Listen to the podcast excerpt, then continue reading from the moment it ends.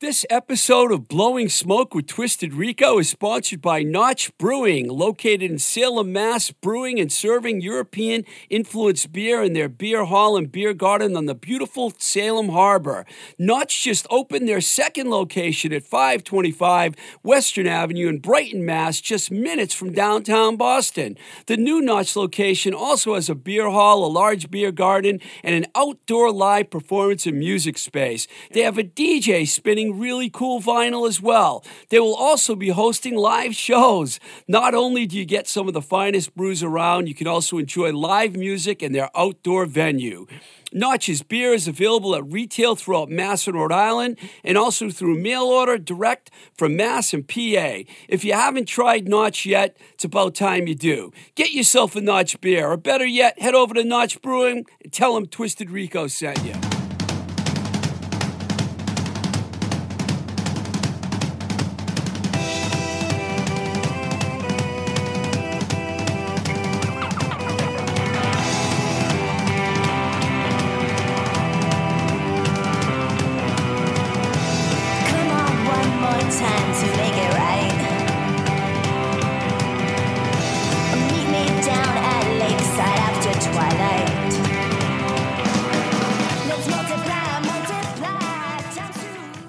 Welcome to Blowing Smoke with Twisted Rico. I'm your host, Steve Ricardo. Today we have a guy on who has been synonymous with the Boston music scene since the early 90s, not only as a musician, but also as the manager at Q Division, one of the most well known studios in the Northeast. Of course, I'm talking about Ed Valauskas, who's known to most as Ed V.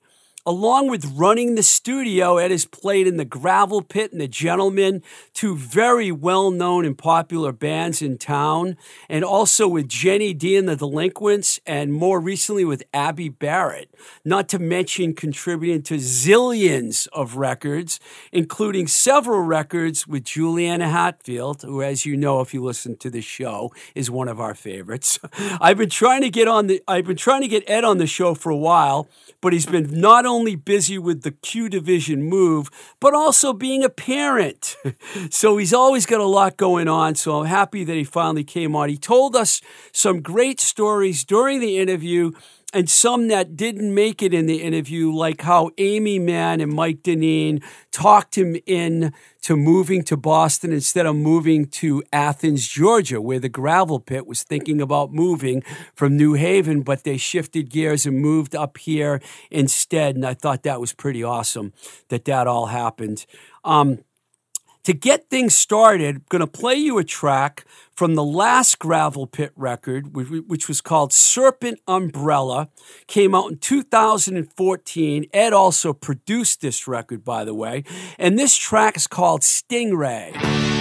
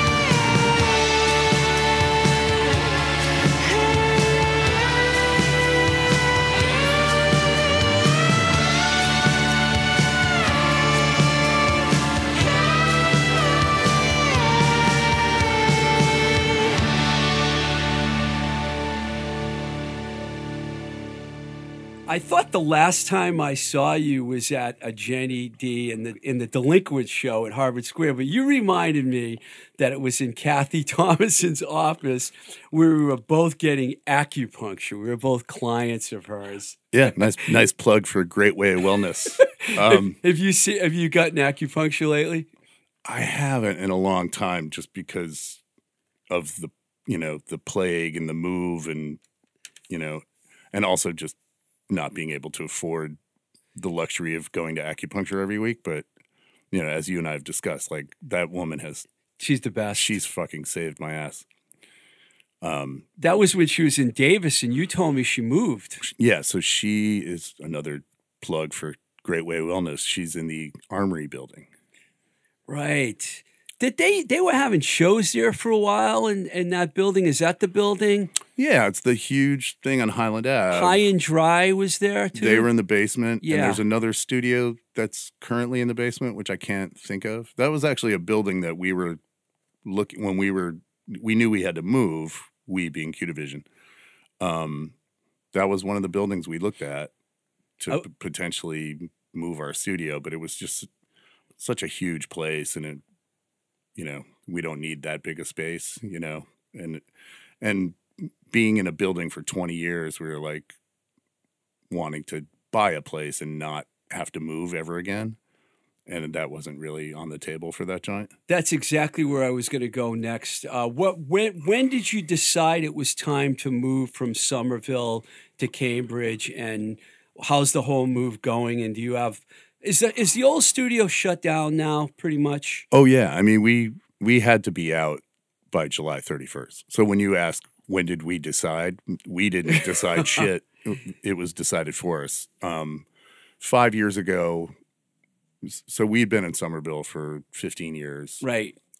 and our lease was up and some gentlemen came in and bought the building and we're like yeah you guys can stay your rent is now doubled and we were like oh, man, i can't fucking do that so we negotiated a deal with the tech company who moved in to swap spaces so we took a smaller footprint and took their office and we made the old moon tower studio studio b and we built that out five years ago knowing five years down the road we would have to pack up and leave.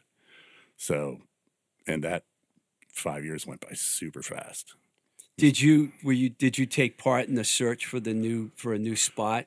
Yeah, John Lupfer, who's the owner of Right. Vision, he and I started looking in the fall, the fall before the plague, and then when the plague hit, no one would show us buildings. Oh. So it was just kind of like, all right, what are, what are we gonna do? And you know, we looked at it, you know, I don't know, probably ten places or something that were on its face. Some of them were cool, and some of them were like way bigger than we wanted, and some were too small. Um, and John's brother in law had a building in Cambridge that we had looked at. It was for sale. He had sold it to someone. It fell, and the, the sale fell through, and he offered to rent it to us, you know, while we looked for, you know, our forever home or whatever. And the more we went over there, it was like, this place should, it's the best place we've seen. And so, so that's what's happening. And it, you know, um, it, it worked out where, you know, just, you know, the universe kind of intervened and was like, all right, this is where you're going. So, For my listeners out there that are not familiar with the geography of the Boston area, Somerville and Cambridge are not really that far away from each other. There's, I don't know if there's even much of a difference anymore between Somerville and oh, it's, Cambridge. I mean, the new place is like a seven minute drive from the old place. It's kind Very of close. It's kind of beautiful, and we didn't want to move too far out of town. And it it works great for John because he lives in Cambridge. Like he could walk to the studio. Are you going to have a bunch of rooms there, or is it going to be one big room? Or Um, for the time being, it'll be one big room, but it's eventually going to be three rooms. nice? But you know, we're kind of trying to get one thing done at a time. So, and that's going to be a huge undertaking. So, You're a ways away from opening. we're probably you know eight months out. It must be kind of hard for you, man. You're working straight through. I know that the plague, as you call it, and it's exactly what it is, kind of slowed things down. But Q Division has been one of those studios that's always booked. I mean, you guys have been busy for what? For the whole time you've been around, pretty much. Eh, yeah, I mean, for the most part, sure. Um, you know, and it is one of the bigger, sort of more dinosaur places around. You know, it's like all the big studios. Once people started recording at home, Yeah. places started closing up. So, yeah, I mean, we've we've been able to somehow maintain our thing for thirty five years. That's amazing. That's a long. And you've been there for a while, for like 15, you said? Um, I've been there for the most part since '95, which was in the old Albany Street location. Um, and I left for two years and then came back. Wow. That's a long time. Yeah, Um, to, to have to have one job, it's it's kind of insane. Let's go. Let's go back. Uh, gravel pit. You guys were from uh, New Haven, Connecticut, Yes. and then you know I'm talking about Jed Parrish, Pete Caldes, Lucky Jackson, yourself. You guys decided to move from New Haven to Boston. Talk about that. How did that all come to play? Um, we became friends with Letters to Cleo, and uh, we had a mutual friend who lived in New Haven at one point, and then moved. He was from. He lived in Boston, moved to New Haven to start a band, which was kind of a crazy thing. Hey, Pete Stone, if you're listening. Pete Stone. Oh no. Oh, right, of course, you know, Yeah, you know, know fucking Pete, Pete. Stone. Um, yes, Pete Stone was the reason the gravel pit moved to Boston. Are you kidding me? As fucked up as that sounds. Did not expect to hear that come out of your mouth. No. No, Wow. There's going to be a lot of things that come out of my mouth. That, but yeah, Pete. So Pete lived with Kay Hanley and Mike Eisenstein, and he was just like, "You you guys got to get out of New Haven. You should come to Boston." So we started coming up here and opening for Letters to Cleo, and then meeting the Gigolo Aunts, and you know, uh, you know, Dambuilders and sort of bands of that that time, and you know, the New Haven scene was not amazing to be a band in. And we had kind of done all we could at that point. Right. You know, there was no no radio stations that played local music. There was three venues to play. The Grotto was one of them. I know that. I the used to grotto, go to the Grotto. grotto closed before my tenure in the gravel pit. The grotto closed in like the late '80s. I'd say That long ago? Oh my God! I Grotto saw the clo- outlets there years grotto ago. closed in like '88. Wow, that was a good room, though. I love that place. I There was wasn't there one other pretty good sized club there? well Toad's place. Toads, right? which is that was too big for any Yeah. any local band to play. But we would we were the band that would open for national acts. That you know we opened for Gang of Four and Blind Melon. Like when their record broke, we opened for Blind Melon, which was terrifying. like people fucking hated us. It was amazing. I just found the ticket stub to that like a year ago, and it it was uh so Blind Melon headlined. We were the band before them, then another local band, and the first band on that bill was Grant Lee Buffalo wow. before they broke. And I was like, how did I not? I didn't even see them. But it was like, how did we play after fucking Grant Lee Buffalo? It's ridiculous.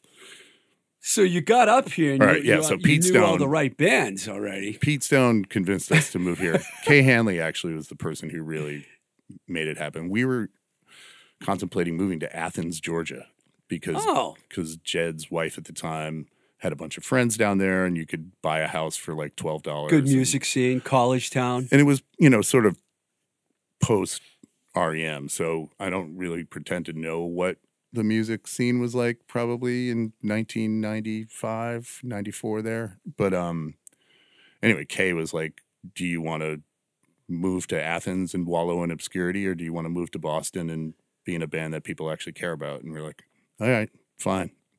So we all kind of moved up here like incrementally. I think I was the first one to move up, and then because we were playing more in Boston at that point than we were in New Haven, so yeah, you it just- guys- it made sense. Yeah, you guys developed a good following and you kind of caught on with the Boston people fairly quickly. Yeah, I mean, we sounded like a Boston band, like big dumb guitars and sort of, you know, melodic, sort of heavier stuff that was happening at that time. So it was it, it worked out good, and we had a bunch of people who were already champions of us who were trying to help us out and put us on bills and shit. So I knew I, I knew about the Pete Stone and Letters to Cleo connection because when I st- first started managing the Charms, who you actually played on their first record, I did, yes. played bass.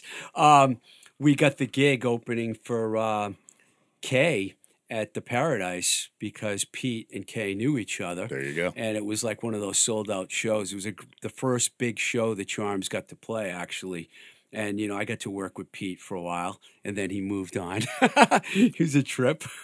He So- pre- and pretty much stopped playing bass after that. Really? He, he retired. Yeah, he uh, he he got wise and retired early. So you guys did quite a bit as the Gravel Pit, and then you, I guess, what Jed wanted to do some solo stuff, and that's how the Gentleman came to be Yeah, we all with Mike Gent, right? Yeah. Yeah. So we had been really good friends with the Figs probably since like 94, 93, 94, where, you know, we were trading shows with those dudes where they would come to New Haven and play, and then we would go to Albany and open for them. And, and we became really super tight and we, you know, loved that band. And Did uh, you guys get Mike to move to Boston? no, Mike Mike got himself here. Mike met a girl and moved here. Um, but then the way the gentleman came about was Mike. I think it was the Figs were like between tours, and we were about to go on tour, and Mike had nothing to do, and I was like, "Hey, do you want to come tour manage us?" Oh, cool. And so Mike came out with us, and then we would open like we would back up Mike as like an opening act, and then that kind of that was sort of the birth of the gentleman. We had a after that tour in '99, we had a gig at Toad, and we were gonna all back up Mike, and I think Jed forgot, and Jed didn't show up, so we played without him, and then it was like, oh, maybe we should just be a dumb two guitar, bass, and drums band, and the, that's how that happened. Yeah, you guys was a pretty good band. You you had two really good bands there for sure. It was really fun. Yeah. and for a while, it was almost wasn't it simultaneous for a while? oh, absolutely. Yeah. Yeah, Yeah. Probably for a good two years. It was that always that doesn't always happen. Sometimes there's jealousy, or one band member's like, "Why are we doing this? Why are we doing that?" But you guys didn't have that problem. no. I mean, we were you know because three quarters of us were in the gravel pit, and we were able to multitask. And I think it was in a period where the Figs weren't doing a ton of stuff, so Mike had time to do shit. And he's like a songwriting machine, and just kind of crank stuff out. And you know, we made three records pretty quickly, up until like 2005. Until you did the 2000. Oh, actually, I'm getting confused. It was it was the Gravel Pit that recorded in 2014. I actually played a song uh, before the interview. Stingray was the song that I picked out. Oh, right I listened to the album uh, all week long.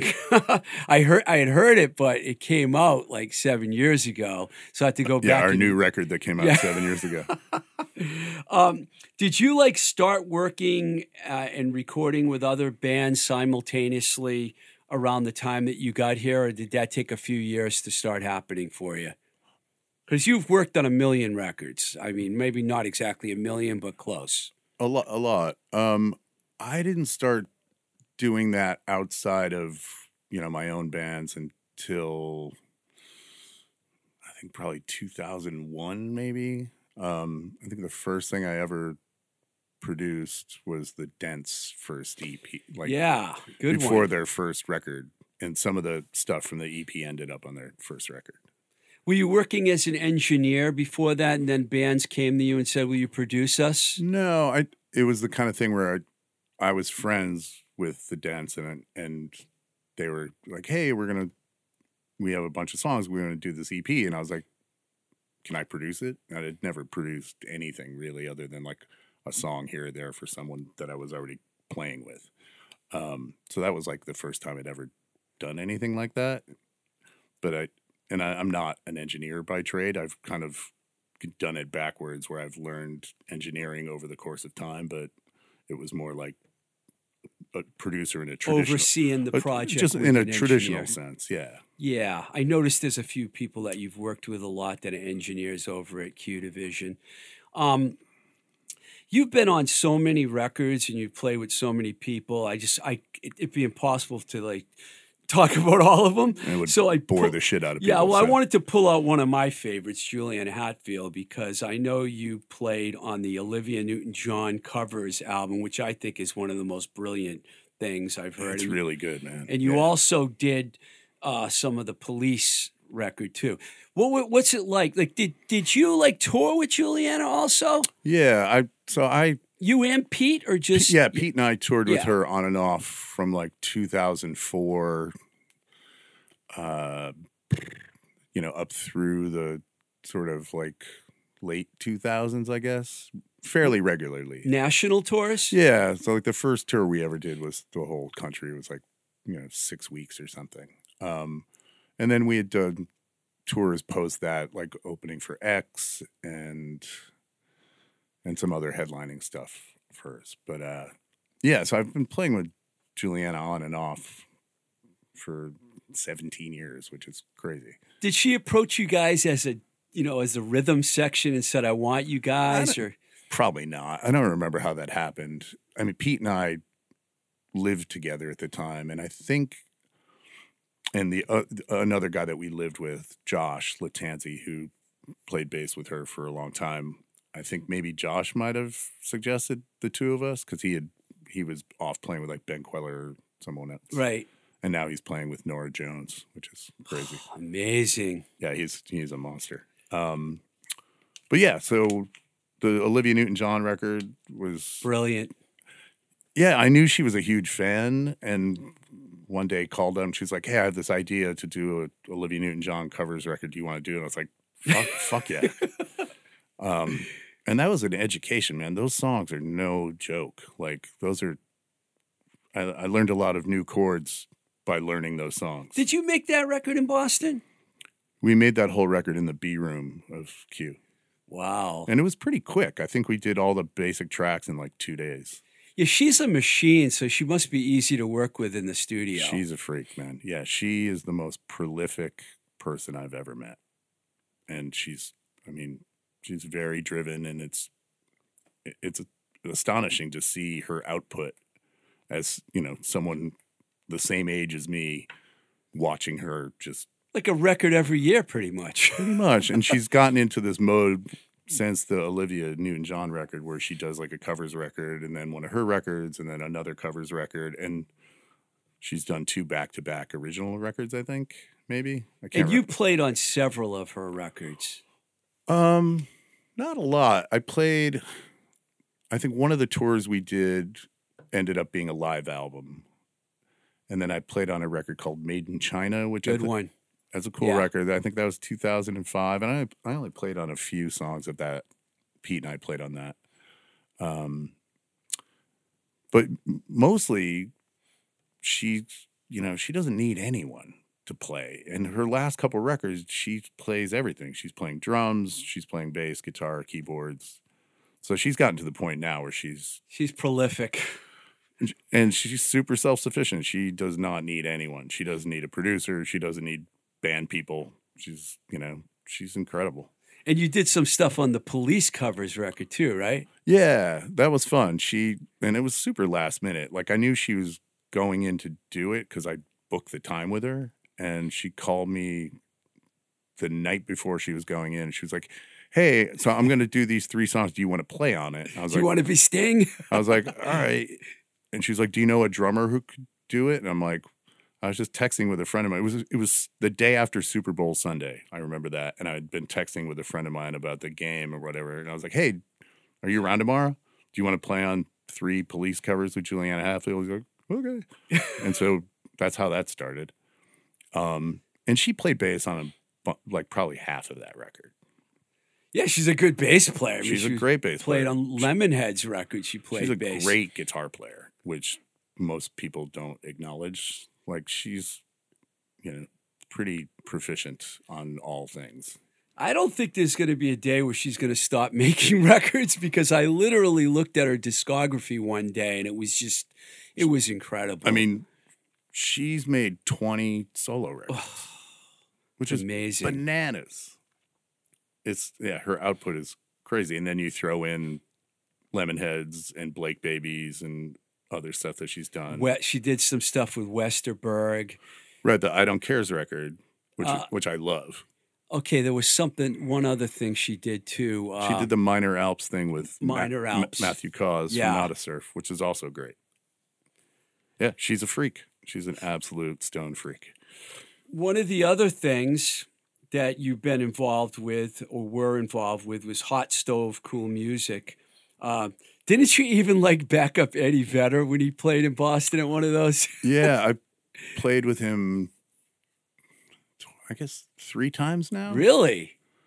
Or no, twice. We we did one in one in one in Chicago and then one here. But the one here was is probably the best gig I've ever played. Theo Epstein made you guys go to Chicago and do one. Is that what happened? so when he moved out there, he he was you know pretty much like, hey, would you guys want to come out to Chicago and do the same thing like in the summer? Like, that sounds terrible. Yeah, of course.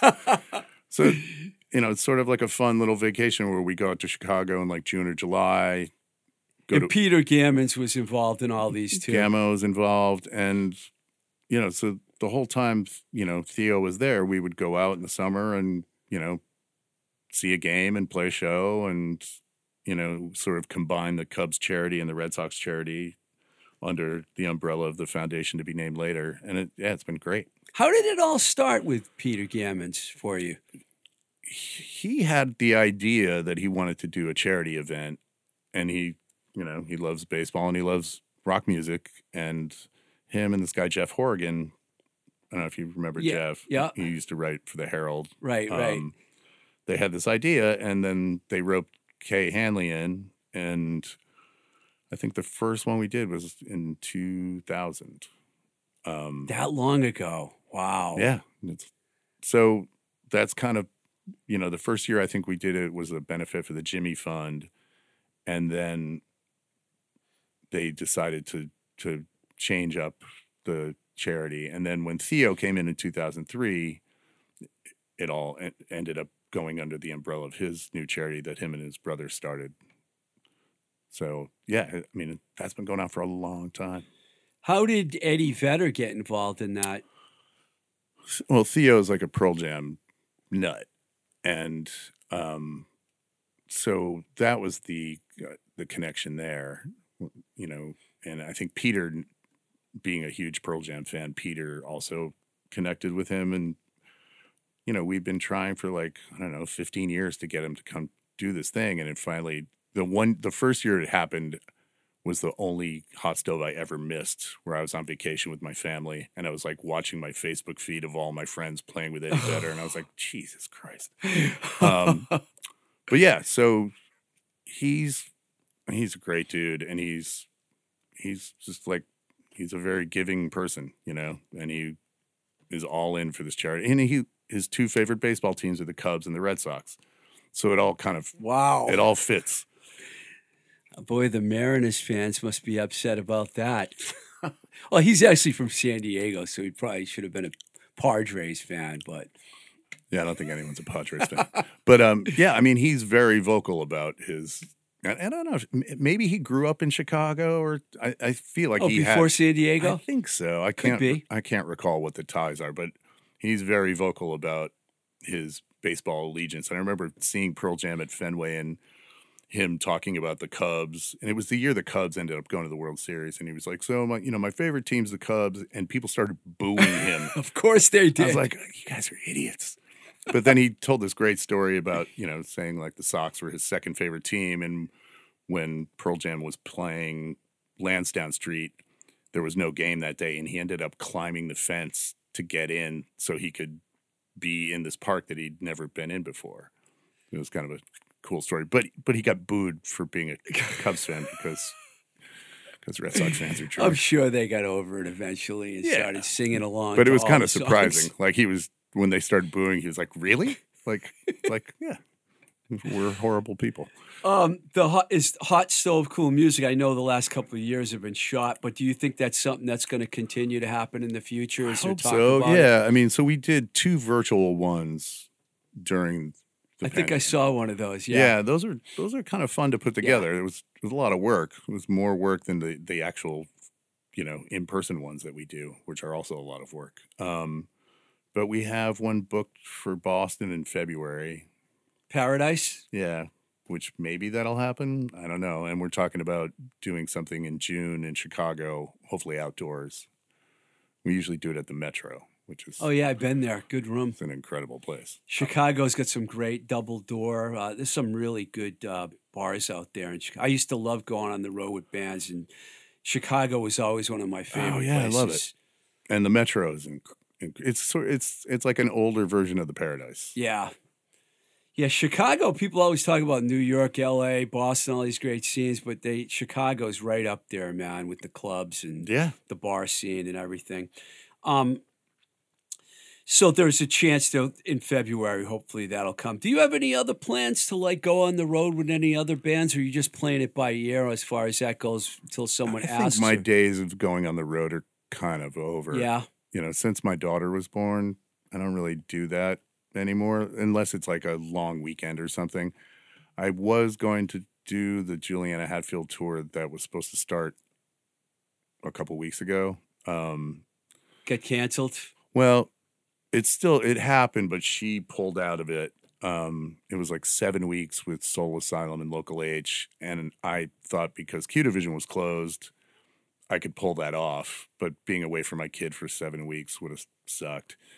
And so whatever, my you know with the move and stuff, I couldn't pull it off. So as fate would have it, you know they canceled the first week because all the first week all the shows were indoors and then they started canceling shows in the middle of the tour and i think she got wise to the fact like if we go out on this tour and a bunch of days go away because of covid then i'm stuck in the middle of the country not being able to play and make money so i think she did the smart thing and bailed I think something like that would probably drive her crazy, like it would probably drive a lot of other musicians crazy because you don't want to be sitting in a hotel room and not doing anything. Yeah, and I've seen you know, so I, I'm friends with the dudes in Local H, and I, you know, I've been watching, you know, their updates on Facebook, and you know, every week something gets canceled or postponed or whatever, and it's like, thank God Jules didn't do that.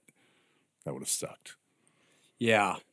So yeah, I, I you, you, know, I'm I'm going off on a tangent, but yeah, I, I have no plans to do anything other than play locally and hopefully play outside locally. I have one indoor show booked in September that I'm gonna do, and probably will do that with a What- mask. Um, Abbie Barrett is opening for the motels. On I was going to. Really? Yeah. Martha Davis? Gonna, is, Yeah, man, she still sounds amazing, dude. She's really good. Um, I was going to bring up Ab, Ab, Abbie Barrett. She's next on my list. Someone that you've really been working with a lot, and you're pretty high on her. In fact, I'm gonna the song I will let you know is gonna play at the end of this interview.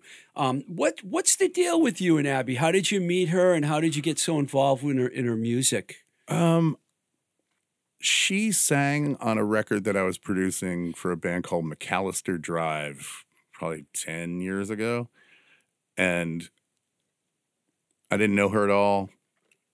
Loved her voice, and she made me laugh within five minutes of recording her. Where I was like, "Hey, man, on that one note, like, can you hold that a little longer?" And she replied, "That's what she said," and I was like, "Wow." okay, she's funny. And she sang great. and she she gave me a record of hers that day, her first record, and I was like, wow, she's really great. And she, you know, super cool. And then when Jenny Dee was looking for a background singer because one of our background singers had quit, I instantly thought of her. And then she joined our band and whatever. And then I don't know, seven, eight years ago, her bass player stopped being able to do stuff. She's like, "Hey, can you fill in for this dude?" And I did it a couple times, and then the dude never came back. So I ended up just accidentally joining her band, and here Is I am. Is she from Boston She is from New York originally. City? Yeah. Yep. I think she grew up on the Upper East Side. So she didn't come here to go to Berklee or anything like that. No, I don't know how. I don't know how she. I never asked. I don't know how she ended up here. So you're in her band as well. Yeah. Is there any plans for? Uh, are you going to do some recording with her? The, the stuff that you sent me is that brand new? Yeah, that's not even out yet. Um, oh, I get to break it on my show. You do. I love doing that. Um, yeah, so that's going to come out as a single on Rumbar Records at Oh, some, nice. at some point. Yeah, we love we love Lou. Lou's been on the show. Yeah. Lou's really busy, man. He's got all kinds of stuff going on. Lou is a force. Yeah, I've been. My daughter and his daughter are buddies, and so oh, that's cool. we've been doing play dates together. And he asked me what I was working on, and I mentioned this Abbie thing, and he was like, "I've always liked her," and like he seemed to know about what her thing was, and uh, he's like, "Oh," he's like, "I would." To- do you have other stuff recorded? And I was like, "We have basically an EP's worth of stuff that's not really seen the light of day." So I think at some point Lou's going to put that out, which is really cool. You know what I want to ask you? Do you listen to a lot of new music? I mean, is there any bands or artists out there? Like, do you find you listen to like satellite radio or Spotify, or is there anything that catches your ear that's new besides the people you work with that you you'd say, "Wow, yeah, I heard this. It's pretty cool," or anything at all? It's tough, man, I, because I'm old. Uh, and I, I generally don't get a chance to listen to a whole lot of stuff other than stuff I, I'm working on. But the the thing that has turned the the group that has turned me on to like new stuff is like the kids who intern at Q Division are all really talented bunch of kids, and they're kids. And I was like, well, what are you listening to? And you know, I've gotten turned on to stuff that way. And the other person who turns me on to new stuff Your daughter. is my daughter. I knew you were going to say that. Does she watch TikTok? Is she on TikTok a lot? She's or- not on TikTok a lot, but she, you know, I think she does look at it from time to time. But she, she's like one of those kids who just goes down like YouTube rabbit holes and Spotify rabbit holes, and you know, we played her stuff that we are into, and she's kind of started finally developing her own voice and stuff that she's into, and Is you she playing an instrument yet? She's playing a couple. She just she went to instrument camp last this this past week and started playing violin and we went Violin. Wow. that was kind of her own choice. I mean, she's been playing guitar sort of half-heartedly for about a year. Like she takes lessons, but she never practices. Sorry, sorry, Sid, when you're listening to this and I'm calling you out on on your laziness. Um, Well, her mom and dad have both been playing music for so long. I mean, it's in her, you know. Yeah. but we've never tried to force it on her, and and you know she's curious. So, you know, I remember, I remember one day like hearing her playing Crazy Train in her room, and I'm like, "How the hell do you know this?" And she's like, "Oh, mommy played it for me." and then a week later, it was like, "Why are you listening to Quiet Riot? Like, what is happening?" And she basically had the same taste that I had sophomore year in high school was like what she was into. And now she's into super into Billie Eilish. That is her jam. I understand that. What about Olivia Rodrigo? She that's must. that's her other one. She Yeah. played me some of that stuff while we were on vacation. I was like, this is actually kind of good. Yeah, I kind of like Olivia Rodrigo. My fans out there that listen to the show regularly are probably wondering why I keep mentioning her She's really week good. after week. But she's talented. She's only. She might be 19 by now, but she writes her own songs. So yeah, I mean, like she, I, I had only heard the whatever the driver's license Yeah. song, but then Sid played me these two other songs that were like full on like rock tunes, and I was like, this is kind of good. Which then I was like, hey, have you ever checked out, you know, Elastica or Veruca Salt? And she was like, yeah, you gave me that record for Christmas a couple years ago, and I was like, Do you ever listen to it? She's like, I listened to that one song, and I was like, all right. Wh- what Elastica or Veruca? So which Veruca one? Salt. but Elastica, I'd played her because I was like, oh, that song kind of reminds me of that. And so I, you know, she's been steeped in you know 90s rock for her whole existence. I got to mention that your wife is like she's she's been consistently in great bands, making great music, She is a force. and that must be an interesting uh, dynamic going on at your house, or when you guys are you know- Define interesting. Yeah. well, I mean, you're both, excuse me, I got to be honest, great musicians that have been doing this for a long time. And I mean, do you run stuff by each other or is it all yeah, just. sometimes. Um, yeah, Jen is actually like my sounding board for like if I'm working on a record where I'm like mixing something, I'll play her stuff because I know that she's going to be completely brutally honest, and she's super. she- You know, it's nice to have the perspective of someone who has fresh ears, who's a really great songwriter and has great taste. So like she's been super helpful.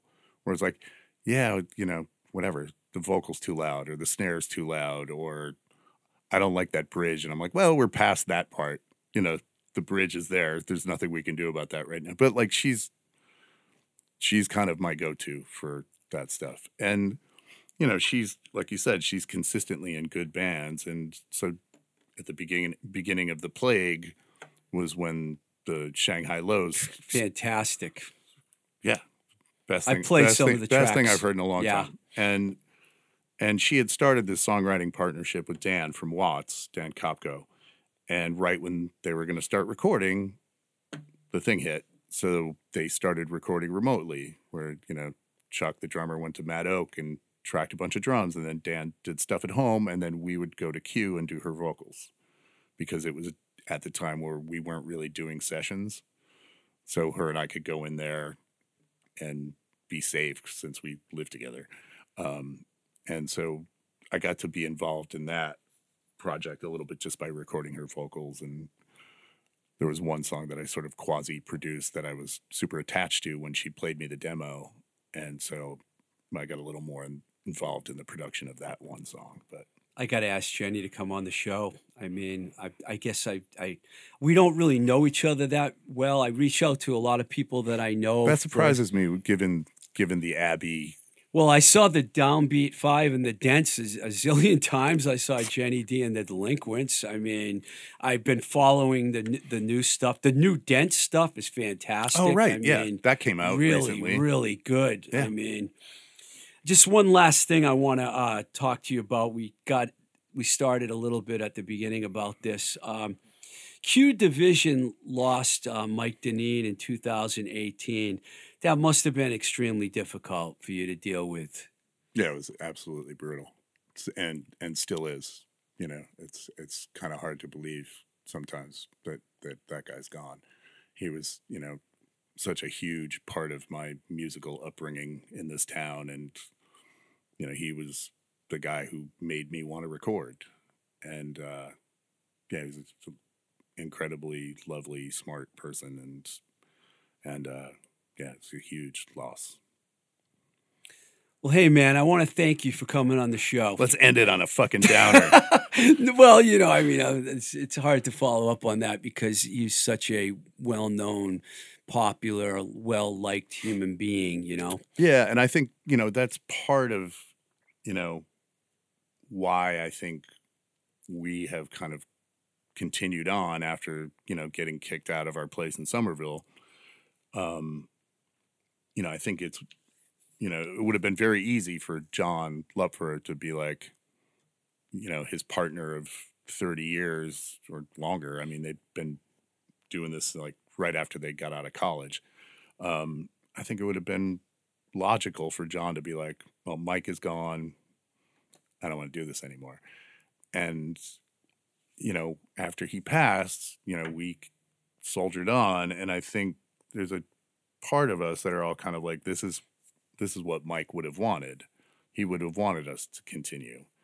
And, you know, it's, it's come up a lot where, you know, it's like just making decisions about what the new place is going to be like. And it's like, you know, thinking about like, okay, what what would Mike do here? You know, would Mike hire this contractor? I don't. You know, it's like he's still, you know, a sort of voice of inspiration, and you know, obviously his. He's he's along with you for the ride, basically. yeah, I mean, it's you know, and uh, as I'd mentioned before, just like listening to stuff that he did in that room before it closed was really, you know, definitely cathartic, and uh, yeah, yeah, we miss him every day, and yeah, Well, death is fun to talk about. well, listen, man. Thanks a lot for coming on the show. I wish you nothing but the best of luck. yeah, man, it's great to see you. do. Thanks. Sorry it took so long for me to get here. You're But- you're. Fa- I love the fact that every time I had asked you, it had you couldn't do it because of your daughter, and that's fantastic because you know that's what family's supposed to be. She is my so. go-to excuse for for everything. no, I mean, between you know raising a ten-year-old and moving a business of twenty years and whatever, and then still trying to do life stuff and music stuff, it's like it's a little overwhelming at times. Yeah. like- and I think part of the plague that really kind of hit me was like, you know, it's like you get used to doing 12 hour days in the studio and whatever. But when the thing hit and I was recording from home, it was like, I, my attention span was like about three hours where it's like, all right, I'll play, I'm going to play bass on one song today. And that felt like working like a 10 hour day, you know, because it just, been difficult.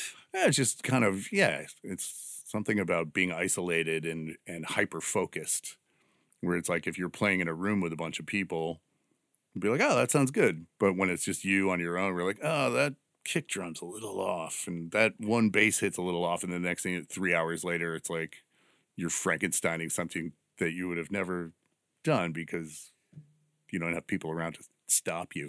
you know? Well, thanks a lot, man. Yeah, man. Good All to right. see you. Thank you.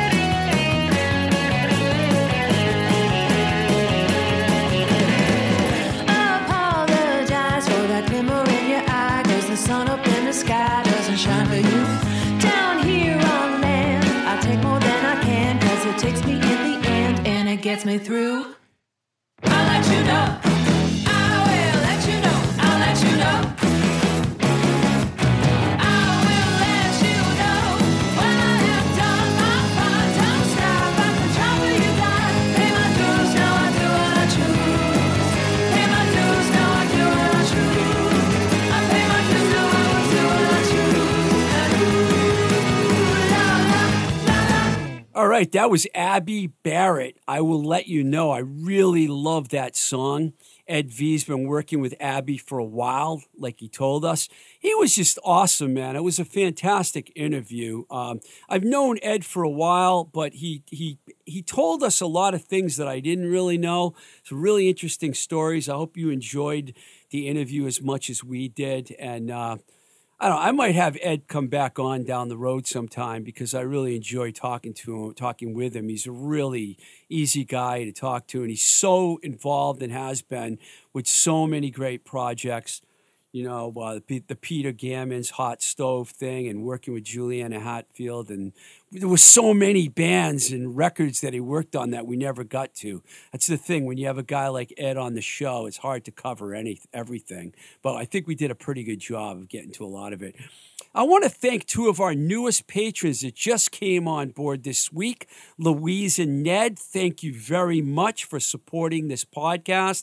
If you want to support the podcast, you can also do that at patreon.com forward slash twisted rico. You can reach out to me at any time at twistedrico at gmail.com.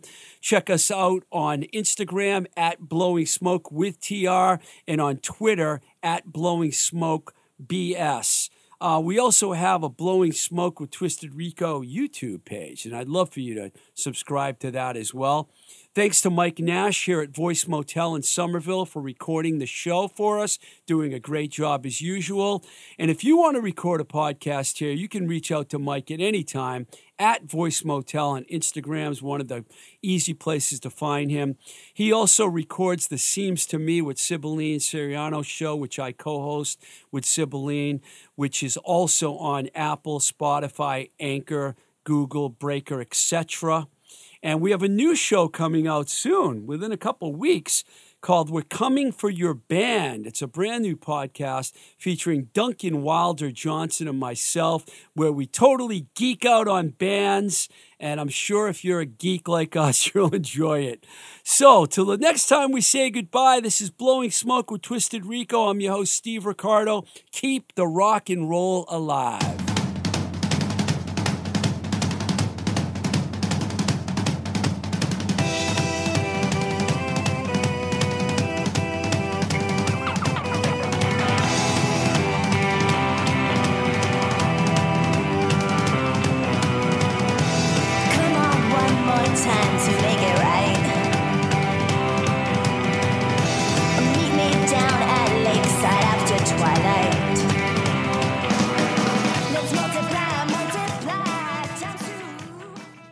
Voice is recorded at Voice Motel, voicemotel.com, your complete podcast recording experience, located in Union Square, Somerville, Massachusetts.